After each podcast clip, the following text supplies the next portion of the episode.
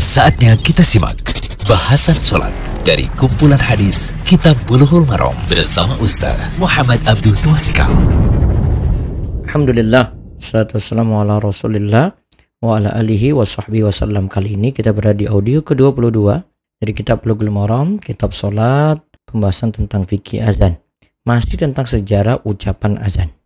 Kita sekarang lihat selain hadis Abdullah bin Zaid yang kita sebut sebelumnya, kita lihat hadis Abu Mahdurah ini juga jadi hadis penting dalam pembahasan azan.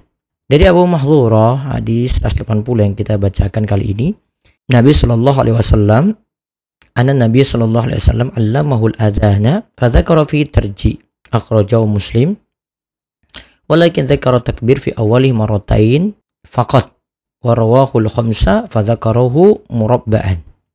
Dari Abu Mahdhurah radhiyallahu anhu Nabi Shallallahu Alaihi Wasallam mengajarinya azan, lalu beliau menyebutkan terji' mengulang dua kali saja nanti untuk ucapan azannya. Nanti kita akan lihat bentuknya. Dikeluarkan oleh Muslim, namun ia hanya menyebutkan takbir dua kali pada permulaan azan. Ingat ya bedanya di sini ya. Namun ia hanya menyebutkan ucapan takbir itu dua kali pada permulaan azan. Kalau yang dari hadis Abdullah bin Zaid kita bahas pengucapannya itu takbirnya di awal itu empat kali. Kalau dalam hadis Abu Mahzura pengucapan azannya itu takbirnya dua kali saja. Dirikan oleh imam yang lima dengan menyebutkan takbir empat kali. Hadis ini ada dalam riwayat Muslim, Abu Dawud, Tirmidzi, An-Nasai, Ibnu Majah, dan Ahmad. Faedah dari hadis, hadis ini menunjukkan bahwa lafaz takbir pertama hanya dua kali saja, sebagaimana riwayat Muslim. Lafaz takbirnya itu hanya dua kali saja, sebagaimana dalam riwayat Muslim. Sedangkan dalam riwayat Ahmad dan penulis kitab Sunan, ucapan takbir ada empat kali. At-tarji' yang kedua, faedah yang kedua, at-tarji' dalam hadis yang dimaksud adalah mengulang ucapan dua kalimat syahadat dalam azan. Mengulang ya, ucapan dua kalimat syahadat dalam azan. Dua kalimat syahadat ini pertama kali dengan suara rendah cukup didengar orang dekat. Yang kali kedua dengan suara tinggi sebagaimana ucapan azan lainnya. Ah, itu.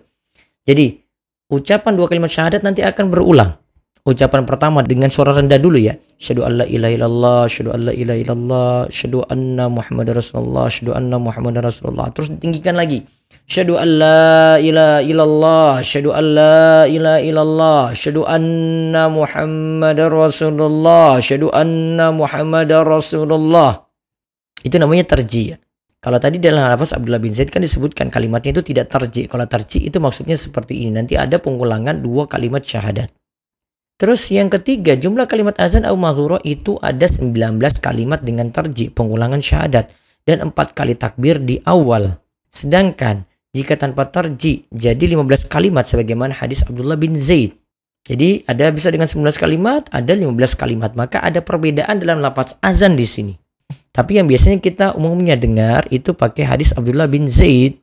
Maka kita praktekkan di tempat kita juga seperti itu, yaitu melafazkannya, ya dengan 15 kalimat saja.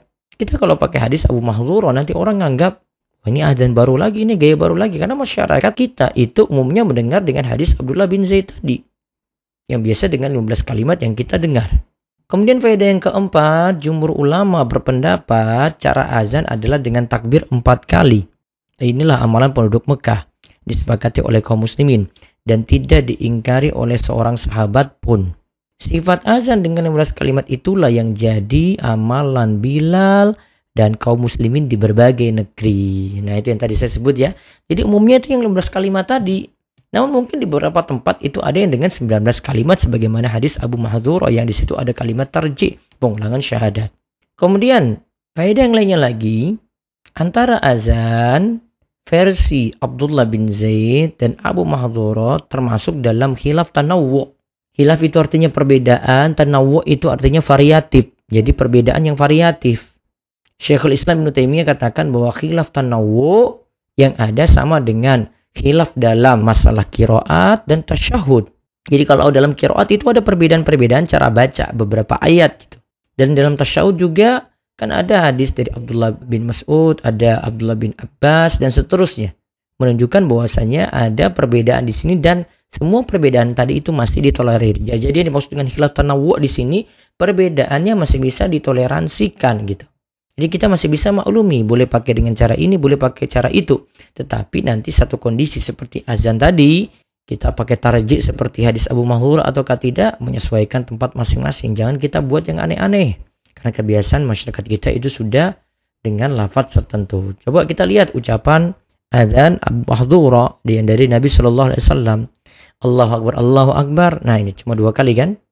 Terus asyhadu an la ilaha illallah, asyhadu an la ilaha illallah, asyhadu anna Muhammadar Rasulullah, asyhadu anna Muhammadar Rasulullah.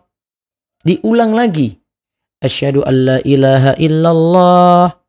Lebih keras ya. Asyhadu an la ilaha illallah.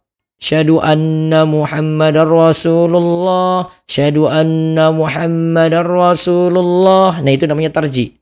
Jadi pengulangan dua kalimat syahadat. Terus hayya 'alas salah, hayya 'alas salah, hayya 'alal falah, hayya 'alal falah. Allahu akbar, Allahu akbar. La ilaha illallah. Nah itu namanya lafaz azan dari Abu Mahzura. Hadis ini diriwayatkan oleh Imam Muslim. Semoga jadi ilmu yang manfaat. Demikian bahasan sholat dari kumpulan hadis Kitab Buluhul Marom bersama Ustaz Muhammad Abdul Tuasikal.